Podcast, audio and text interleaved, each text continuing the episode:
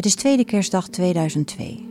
De familie van Patrick wacht op hem in het restaurant voor de kerstlunch. En we hebben hem ook heel vaak gebeld. Ik had zoiets van, ah joh, maak je allemaal niet zo eh, druk, weet je. Het gebeurde wel eens dat hij gewoon twee uur of drie uur te laat kwam.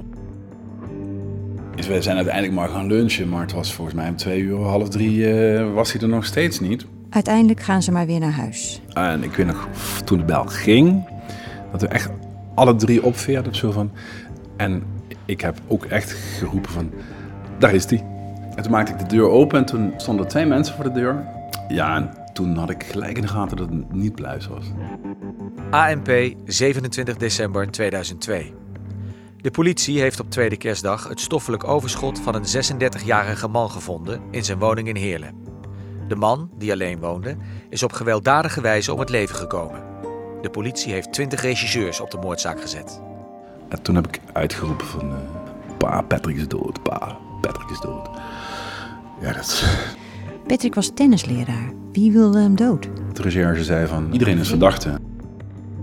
En sommigen zou je echt vast willen pakken. Dan zou je echt misschien een potje mee willen janken of zo, weet je wel.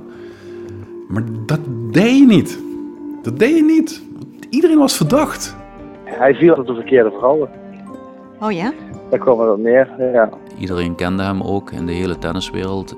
Als je op stap ging, je dacht, wat kunnen we doen om het vrouwelijke geslacht bij ons te hebben?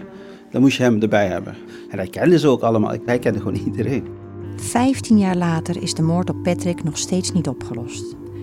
In Nederland zijn er ruim 1500 onopgeloste zaken, cold cases.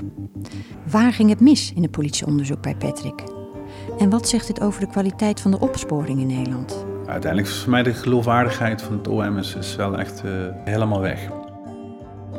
U heeft dus in de zaak eh, van de moord op Patrick nieuwe aanwijzingen gevonden waarmee de politie verder zou kunnen rechercheren. Ja, 2 juni, deel 1 van de podcast De moord op Patrick.